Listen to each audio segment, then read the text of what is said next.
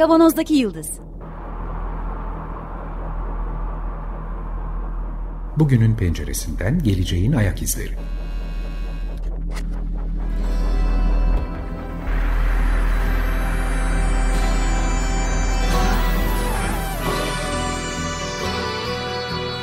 Hazırlayan ve sunanlar İsmail Başöz, Haluk Levent, Mustafa Yılmazer ve Fethiye Erbil.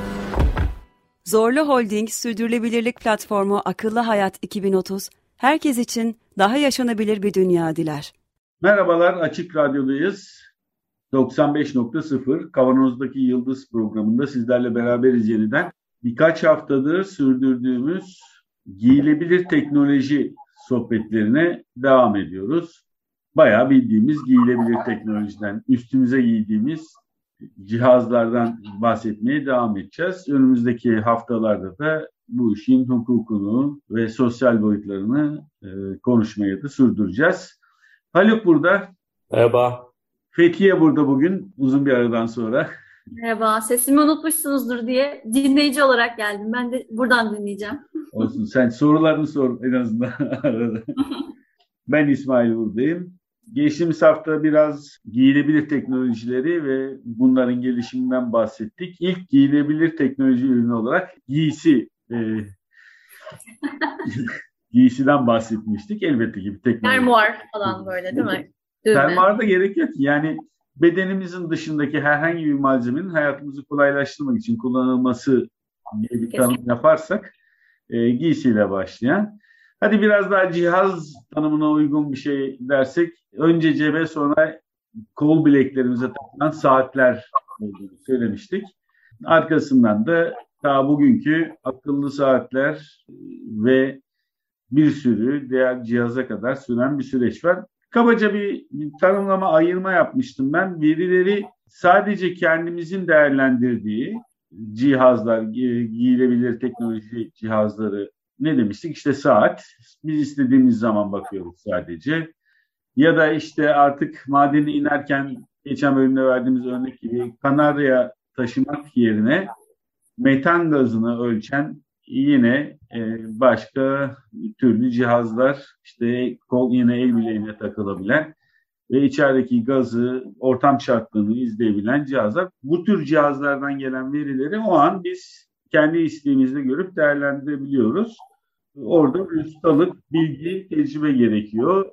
Kullanıcının ustalığı, bilgisi, e, o konudaki eğitimi gerekiyor. Saat için bile öyle değil mi? Yani 5 yaşındayken saat okuyamadığımıza göre belli bir ustalık yaşamamız gerekiyor. Bir de diğer türlü giyilebilir cihazlar, giyilebilir teknoloji ürünlerinden e, artık bahsediyoruz. Bu cihazlar topladıkları verileri işte en rahat anlayabileceğimiz şekilde bir buluta ya da ortak bir veri toplama noktasına gönderen cihazlar. Yani bu cihazlar veri toplarken değişik yollar kullanıyorlar. İşte gaz ölçümü, işte Bluetooth teknolojileri, yer değiştirme, GPS'le takip. Aklımıza ne gelecekse birçok teknoloji ürünü, teknoloji yardımıyla bu verileri toplayıp daha sonra verilerin toplandığı genel merkeze gönderiliyor. Ve burada artık yeni yazılımlar sayesinde bu veriler işleniyor ve artık birçoğu da yapay zeka yardımıyla işleniyor. Çünkü çok fazla veri geliyor. Demin ki örneğe dönelim. Madene inen bir işçi sadece kendi e, elindeki cihazdan aldığı veriyi değerlendirirken bu verilerin hepsinin toplandığını düşünürsek binlerce, on binlerce veri oraya geldiğinde hangi verinin nasıl bir sonuca ulaşacağına dair yapay zeka yardımıyla süzmeler yapılıyor ve daha keskin sonuçlar alınabiliyor. Daha doğru değerlendirmeler de yapılabiliyor. Fakat bu ikincisi özellikle ne dedik? Bütün verilerimiz bir bulutta ya da bir veri toplama merkezinde toplanıyor. Bunu kullanan şirketler çoğunlukla, kimi zaman da devletler bunları istedikleri gibi kullanabiliyorlar. Birçok ülkede bu konuda düzenlemeler var. Özellikle Avrupa ülkeleri bu konuda çok daha sıkı düzenlemelere sahip. Yine birçok konuda olduğu gibi ama e, ama Amerika'da dahil olmak üzere birçok ülke e, bu verileri hem ticari hem de siyasi çıkarları gereği kullanabiliyor, satabiliyor ya da başkalarına verebiliyorlar. Özellikle devletlere verilmesi. Çin bu konuda en dürüst olan ülke açık açık söylüyor zaten. Kendisi alıyor, kullanıyor bütün bu verileri. En son Amerika ile Çin arasında sanıyorum bir, bir buçuk sene önce hatta de, hala devam eden bir şey var. Çatışma var bu. Yani markanın adını verebilir miyim bilmiyorum. Bir Çin teknoloji şirketi Amerika'ya da giriyor ve satıyor ve bu verileri topluyor. Amerikan vatandaşlarından da toplayıp Çin'deki serverlarda topluyor. Te- telefon evet. tabii. Ama, ama insanları sağlık verileri topluyor ya elbette. Amerika'da diyor ki bu bizim anayasamıza aykırı. Sen bunu toplayamazsın. Ama Çin'de diyor ki sen Amerikan e, teknoloji şirketlerinin toplamasına izin veriyorsun. O zaman haksız rekabet. Öyle bir devam eden bir dava vardı evet. burada. Yıkıcı bir dava. Gelen evet, kızını tutukladılar falan filan. Evet. Ee, onun arkasında başka bir şey yatıyor ama siyaset bu, yani. Bu tabii Burada çok... bir saniye Haluk. E, kutsal piyasa kuralları benim oyunumda bana göre değişir demek Aynen. değil mi bu yani? E, tabii oyun oynanırken de değişiyor. E, ama o kuralları takan pek kimse yok galiba zaten. Büyük şirketlerde değil mi? Büyük şirketler dahil olmak üzere. Yani orada oluşmuş bir piyasa var zaten. İkincisi piyasanın oluşmuş piyasanın ötesinde daha önce bunu çok değindiğimiz için detayına girmeye gerek yok herhalde. E, şirketlerin başlıca değer üretme alanı haline dönüştü. Yani bir kapitalizmin bir varyantı olarak tanımlanacak ölçüde. Veri toplama işini söylüyorsun. Evet evet. evet. Zaten bu vücudumuzdan toplanan veriler en önemli verilerden bir tanesi. Yani bundan evet. daha önemlisi ve daha zor toplananı e, işte o psikolojik moodla ilgili olan. Şimdi bu metaverse sağ olsun yani onu halletmek üzere tasarlanmış bir şey zaten. Yani bir bölümü aslında o amaca yöneliyor. Tabii asıl çok daha büyük bir tehdit. Onu bir ara herhalde bir dizi halinde yakındır. De. Yakındır. Biraz daha olgunlaşsın, biraz daha veriler gelsin. Evet. Şimdi bugün bahsedeceğim daha çok işte bunun daha somut verilerini toplayan giyilebilir cihazlar olacak açıkçası. E, parça parça çoğu zaman bahsettik. Bu giyilebilir teknoloji cihazları daha çok sağlık alanında kullanılıyor artık. Çok büyük yatırımlar yapılıyor. Özellikle pandemi döneminde çok hızlanan bir süreçte kullanılmaya başladı. Hatta bir ara yine bu giyilebilir sağlık cihazları yardımıyla COVID-19 tanısı gerçekleştirilebilir mi çalışmaları bile yapıldı. Pandemi azaldıkça, COVID-19 geriledikçe bu çalışmalar da düşecektir ama onun ortaya çıkardığı başka sonuçlar da gelmeye başladı. Yani e, nasıl olabiliyor mantığı biraz sonra detaylarıyla bahsedeceğim. Ateş, e, öksürük, kalp atışı sayısında hızlanma vesaireyi anında ölçebilen sensörler geliştiriliyor. Bunlar COVID hastalığının belirtilerinin en başlıcaları. Bunları bir araya getirip bir alarm sistemine bağladığınız zaman tanıya yardımcı olabiliyor. Aslında buradan şey de yapılabilir. Duygu durumuna ilişkin bilgi de üretilebilir. Aynen öyle. Ee, nereden aklıma geldi diye soracak olursan endüstriyel hayvancılıkta giyilebilir teknoloji var. Orada mesela büyükbaş hayvanların adım sayısı e, hızlandı mı onun doğurganlık seviyesinin en yukarıya olduğunu ve dolayısıyla işte suni tohumlama yapılabileceğine dair. Bilgi geliyor ve çok tutarlı bir şey. Aynen aynen. Bu da tam tam bir giyilebilir teknoloji e, ürünü. evet. Bunu evcil hayvanlarda daha çok GPS koyup hayvanın yerini takip edebilmek için daha fazla kullanımda olan bir türü ama söylediğin gibi bunun biraz sonra insan dışısında da nasıl kullanıldığının örneğini vereceğim. Acaba kadınların da yumurtlama dönemini takip etme ihtiyaçları oluyor ya onu tam, takip etme ilgileri. Tam da bunu söyleyecektim işte. Onun fiziksel e, vücut değişikliği yaratıyor ya. İşte ateşte şöyle vesaire. Aynen öyle. Hadi konusu gelmişken açayım bir e, evet. böyle bir ürün var. Daha önce daha kesin ölçümler yapmak için e, vajina içine yerleştirilen tampon gibi yerleştirilen bir küçük aparatla uzun süredir hamile kalmaya çalışanlarda kullanılan bir gene bir cihaz var. Artık giyilebilir, takılabilir, her neyse nasıl kullanılıyorsa bunun adı.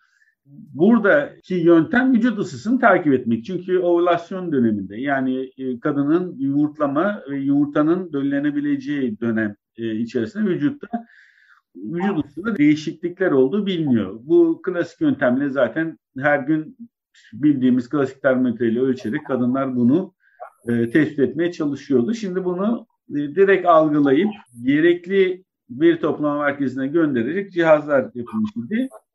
Ama artık yine bir vücut içine giren bir yöntem olduğu için bu öyle ya da böyle vajinada olsa bunun yerine cilde yapıştırılan bir sensörle bunu takip etmek e, söz konusu ve yapılan çalışmalar yüzde 90'a kadar doğru sonuç verdiği e, bu yüzden de kullanıma gönül rahatlığıyla başlandığı yönünde daha çok yeni hamile kalma çabalarında kullanılan bir e, giyilebilir cihaz olarak duruyor. İlginç hakikaten. Ve Kabul... sadece bir sensör diyorsun yani cilde yapışan bir sensör. Herhalde çokça bir zararı da olmasa gerek. Hayır hayır hiçbir zararı yok. Ya bu evet. cihazdan hemen hemen hiçbirinin zararı yok aslında. Hı hı. Şimdi sağlıkta kullanılan e, herkesin çok iyi bildiği saatler var bir kere. Bu saatler gelişmiş olanları daha doğru ölçümler yapmak kaydıyla kalp atış takibini rahatlıkla yapabiliyorlar. Artık kan oksijen düzeyi ölçebiliyor. Birçok insan görmüştür. Hatta COVID sırasında hasta olan birçok insan parmağına takarak oksijen ölçümü yapmıştı hatırlıyorsak. Mesela benim ailem geçirdiğinde onu çok sık kullandık. O şekilde çok durum ıı, kötüleştiğinde hastaneye başvurma yoluna gittik. Aynen öyle. Aynen öyle. Ben de kendi e, semptomsuz sayılabilecek geçirdiğim dönemde kullanmıştım. Solunum sayısı takibi var. E, programdan önce Haluk'la konuşmuştuk. Solunum sayısı, kalp atışı, kan oksijen düzeyi e, bunları da toplayarak uyku kalitesini izleyen cihazlar var. Bunu sadece saatte yapılabiliyor. Ama bunlar için bunların her biri için daha daha kesinlikle e, sonuçlar verebilen cihazlar geliştiriliyor. Mesela uyku düzeni takibinin için beyin dalgalarını izleyebilecek bir şekilde bere gibi ya da daha da ufağa iki tane elektrotla alnına yerleştirilebilen, e, yapıştırılabilen iki tane elektrotla da beyin dalgaları izlenerek uyku düzeyi takibi yapılabiliyor. İsmail bir şey sorabilir miyim böyle benim gibi bilmeyen ve merak edenlere? insanların yani insanlar kendilerinin ya da doktorlar insanların uyku düzenlerini takip etmeye niye ihtiyaç duyuyorlar? Bu bilgi ne işe yarıyor? Birincisi ağır uyku problemi olanlarda hani uyku laboratuvarına yatıyoruz ya yani apne hastalarında bunun kalp hastalıklarına yol açtığını, kronik yorgunluğa, kronik bitkinliğe yol açtığını biliyoruz. İyi bir uyku alamamanın biraz önce söylediğim gibi yorgunlukla çok ilintili olduğunu biliyoruz. Bu kadar üst seviyede olmasa bile diyelim ki fabrikada dikkat gerektiren bir işte çalışan bir insanın uygusunu takip edebilirsek yorgunluk seviyesi konusunda bir kestirme yapıp burada belki pozisyon da alabiliriz. Önümüzdeki haftalarda konuşacağımız iş yerindeki cihazlara bir örnek olarak da verilebilir bu. Yine uykunun bozulmasına ilişkin neden bozulduğuna dair fikirler yürütebiliriz. Buradaki çalış, e, buradaki cihazlar hem kişiye veri veriyor hem de artık laboratuvarlara gidip orada bir gece geçirmek zorunda kalmayabiliyoruz. İşte yani evde kere... kullanabiliyoruz. Tabii tabii. En basit yöntemlerini zaten birçok insan kullanıyor şu anda. O incecik bileklikler şeklinde olan saatlerle beraber de kullanabiliyoruz. Bunların daha ileriki, daha iyi sonuç alan şekilleri, modelleri gün be gün üretiliyor zaten. Ve bu veriler demin başta söylediğimiz gibi ısrarla belirtmeye çalışıyorum. Bu veriler artık veri toplama merkezlerine yani bizim sadece bizim gördüğümüz yerde değil, onların bir şekilde internet vasıtasıyla da ulaşıldığı yerlerde kullanılabiliyor. Bu bahsettiklerin günlük hayatın takibiyle ilgili olan. Şimdi bir de yine bunlara döneriz tabii biraz sonra. Ha, seni söylediğinle ilgili Haluk biraz önce söylediğin duygu durum takibiyle ilgili çok daha keskin veriler veren galvanik skin response diye cildin üstündeki terlemeyi takip eden ve bunda elektrik akımıyla takip eden sensörler artık geliştirildi. Yine giyilebilir cihazlar bunlar. Onu oraya yerleştirerek vücuttaki adrenalin, serotonin vesaireyle oluşan duygusal değişikliklerin verdiği terleme cevabını mesela çok iyi alarak burada bir veri ağı oluşuyor yine. Bunlar da toplandıkça tabii ki yine yapay zeka yardımıyla belki de ortak bir şey çıkacak. E, çıktığı iddia ediliyor ama daha bence verilerin az olduğunu düşünüyorum. Daha fazla veriyle ancak kestirme yapılabileceğini düşünüyorum. Şey çok acayip. Duygu durumunu böyle deri üzerindeki işte şeyden ölçmek, terlemeden falan ölçmek. Ben birkaç haftadır çok aktif gelemiyorum. Çünkü tezimle ilgili yetiştirmem gereken böyle etik kurul başvurusu var. Niye bu konuyu bununla bağlıyorum? Öğretmenlerin duygu durumları esasen mesele ve onların e, kendi duygu durumlarının farkına varmaları, onu düzenleyebilmeleri ve böylece kendi duygularını düzenleyebilip çocuklara da bunu modelleyebilen yetişkinler olabilmeleri için. Ama bizim yaptığımız ölçümlerin neredeyse tamamı e, self-report dediğimiz kendilerinin ifade ettiği şeyler üzerinden geçerli. Ama duygu durum literatürü bize diyor ki birinin ben kızgınım dediği şeye aynı hisse bir başkası endişeliyim diyebiliyor. O insanların öz e, ifadelerine o kadar da güvenmemek lazım. Belki ilerleyen Bantla zamanlarda Ya şey, şöyle- şöyle- birleştirebiliriz. Böyle bir şey kuruyorum şimdi. Bir cihaz giydiriliyor ya da takılıyor öğretmene. Sen öğretmenlerden bahsediyorsun madem. Hı hı. Kalp atışını, soluk sayısını her şeyini takip edebiliyor. Bir beden ısısını, bir de cildinden terlemeyle gelen verileri topluyor. Aynı zamanda da bu zaten çok iyi bildiğimiz adım sayarlar da içeriyor. Ne kadar hızlandığını, ne kadar gerilediğini ve ders boyunca sürekli e, müdüre bilgi gönderiyor orada. Çok fena. Bir terslik o zaman da bir elektrik sinyali gönderip hemen çıkartıyor. Müdür onu uyarmak için uyandırmış. Sakin ol demek için bir elektrik sinyali. Hadi kalk biraz kıpırda demek için bir elektrik sinyali. Böylece her şey çok daha e, kontrol edilebilir. Ya öğretmen olarak beni rahatsız ediyor bu fikir ama öğrencilerin ben ders anlatırken nasıl duygu durumları içinde olduğunu çok mu sıkılıyorlar, ne zaman heyecanlanıyorlar E, tabii, onları bilmeyi isterdim. tabii öğretmene bunu yapan aynı zamanda öğrenciye de yapabilir. Yapar, Yine mü- müdür yine bir düğmeye basıp zıplatabilir Biz mesela. gözünün içine bakarak anlıyoruz onu zaten. Boş. Tamam. Anlıyor? Ben. Peki. hocam siz de zaten tebeşir fırlatarak yapıyordunuz onu. Şimdi elektronik yöntemler o var. aşırı aşırı bir duygulanma durumu söz konusu olduysa Peki. Birincisi bu dedik günlük takipler yapılması. İkincisi de hastalık durumundaki takipler var. Buradan iki tane örnek vereceğim. Bir tanesi çok önemli bir, çok faydalı bir teknoloji ürünü, bir cihaz. Gün boyunca sabit kan şekeri ölçebilme becerisi var bu giyilebilir teknolojinin. Cilde yapıştırılan ama küçük iğne ya da iğnelerle cilt altına uzanan çok incecik, küçük böyle birkaç milimetre uzundaki iğnelerle cilt altındaki hücrelere ulaşabilen bir yine veri toplayıcı. Hemen onun üstünde de bir küçük çiple beraber bir para büyüklüğünde düşünün. Büyük bir para büyüklüğünde ya da paradan biraz uzun. Bu cilde yerleştiriliyor, yapıştırılıyor. Orada iğneler, sensörler hücreler arası sıvıdaki şeker ölçümünü sürekli alarak e, veri veriyor. Seyrettiğim, izlediğim, okuduğum birkaç örnekte Mesela bir tanesi bu veriyi telefonunu yaklaştırarak, cep telefonundaki uygulamayı e, yükledikten sonra telefonunu yaklaştırarak o veriyi istediği zaman o sensörden alıyor ve sürekli ölçüm yaptığı için ya da hani 5 dakikada bir ölçüm yaptığı için bir grafik halinde işte okullarda en basit ortaokul lisede gördüğümüz grafikler halinde olduğu için bir geri bildirim de verebiliyor böylece kullanıcı. Bu çok önemli. Kan şekerinin neye nasıl cevap verdiğini izliyor. Mesela salata yiyince nasıl bir cevap geliyor? Elmalı pay yiyince nasıl bir cevap geliyor?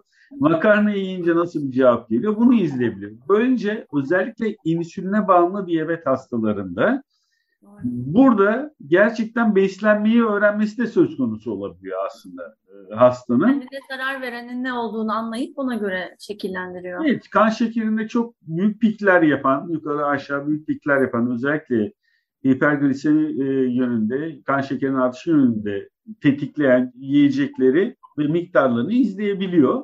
Ve bu da bireysel cevaptır aslında. Bu da çok önemli bu açıdan. Yani senin yediğin bir dilim baklava ile benim yediğim bir dilim baklava aynı cevabı vermeyebilir vücudumuzda.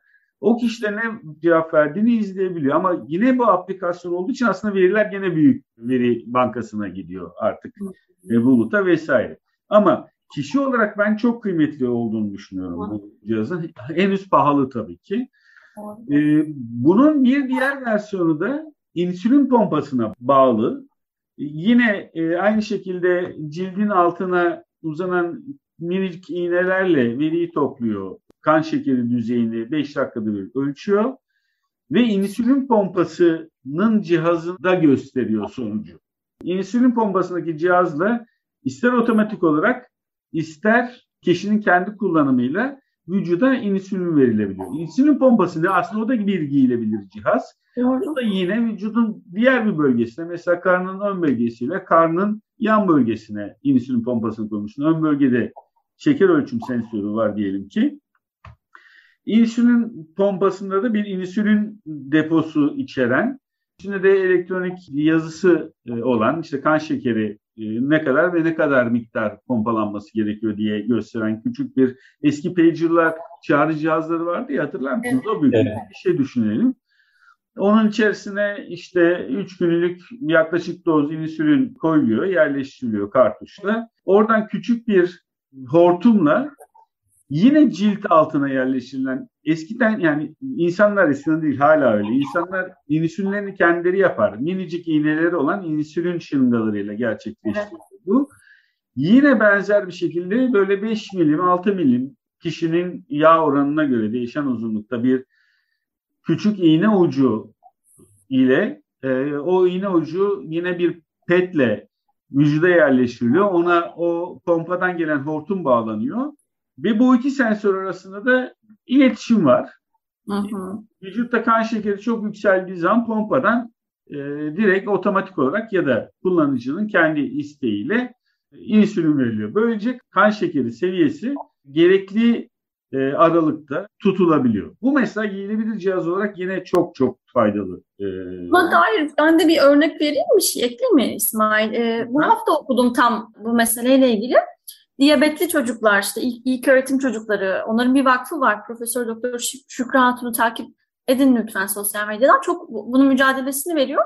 Çocuklar kendileri o dediğin iğnelerle ölçümü yapıyorlar ve günde 300 kere bu konuyu düşünmeleri vesaire etmeleri gerekiyormuş.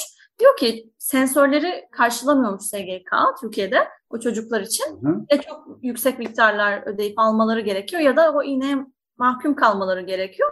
Böyle bir giyilebilir teknolojiyi onlara ücretsiz sağlayabilirsek hayat standartları ve eğitim kaliteleri çok yükselecek diyor.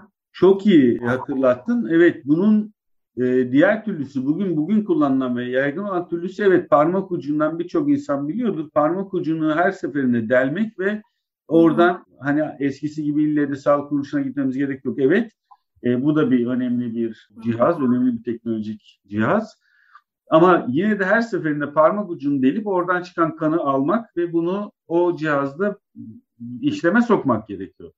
Bu bahsettiğimizde sürekli bir böyle bir delme işlemi yok. Bu da çok önemli bir durum zaten. Çocuklar ve yaşlılar için bunun ne kadar zor olabileceğini tahmin ediyoruz. Ee, ben küçük bir video izledim. Ee, oradaki eleman da şey söylüyor. Ya 36 yaşındayım ve ben bunu rahatlıkla yapabiliyorum. Ya çocuklar ne yapacak? Ee, ya yaşlılar ne yapacak diye soruyordu. Evet. Buradaki giyilebilir teknoloji de yine sağlıkta çok önemli rol oynayan bir teknoloji.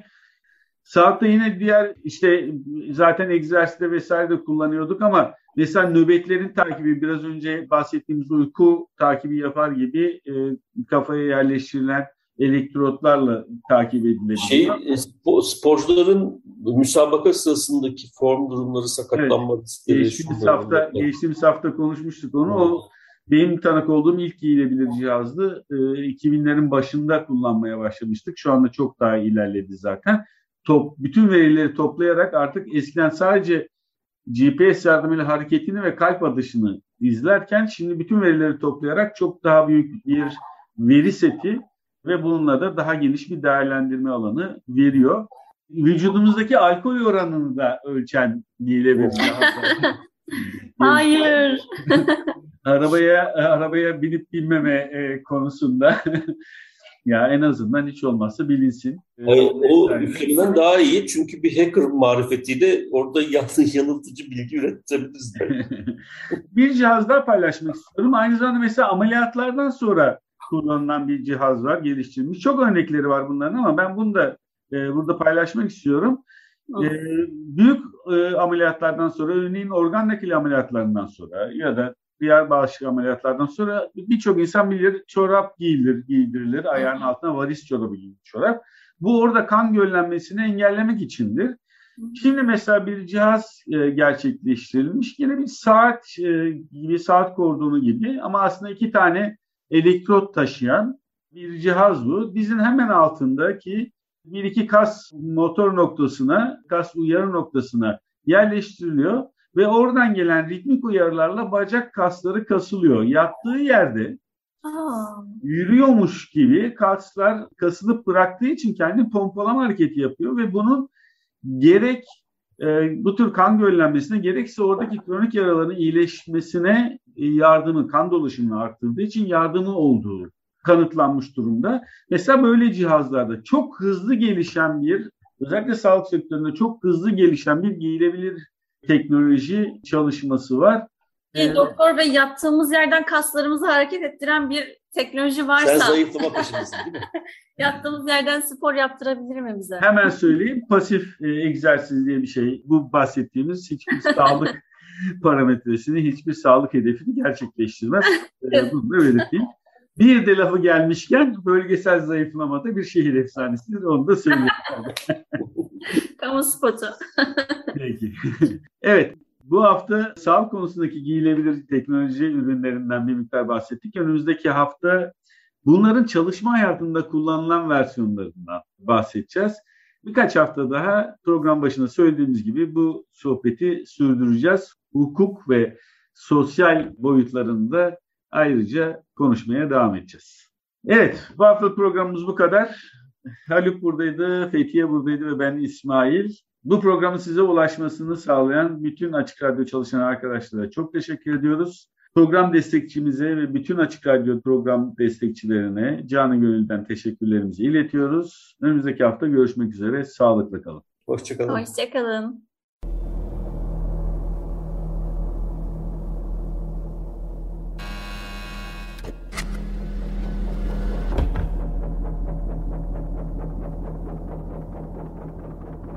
Kavanozdaki Yıldız Bugünün penceresinden geleceğin ayak izleri.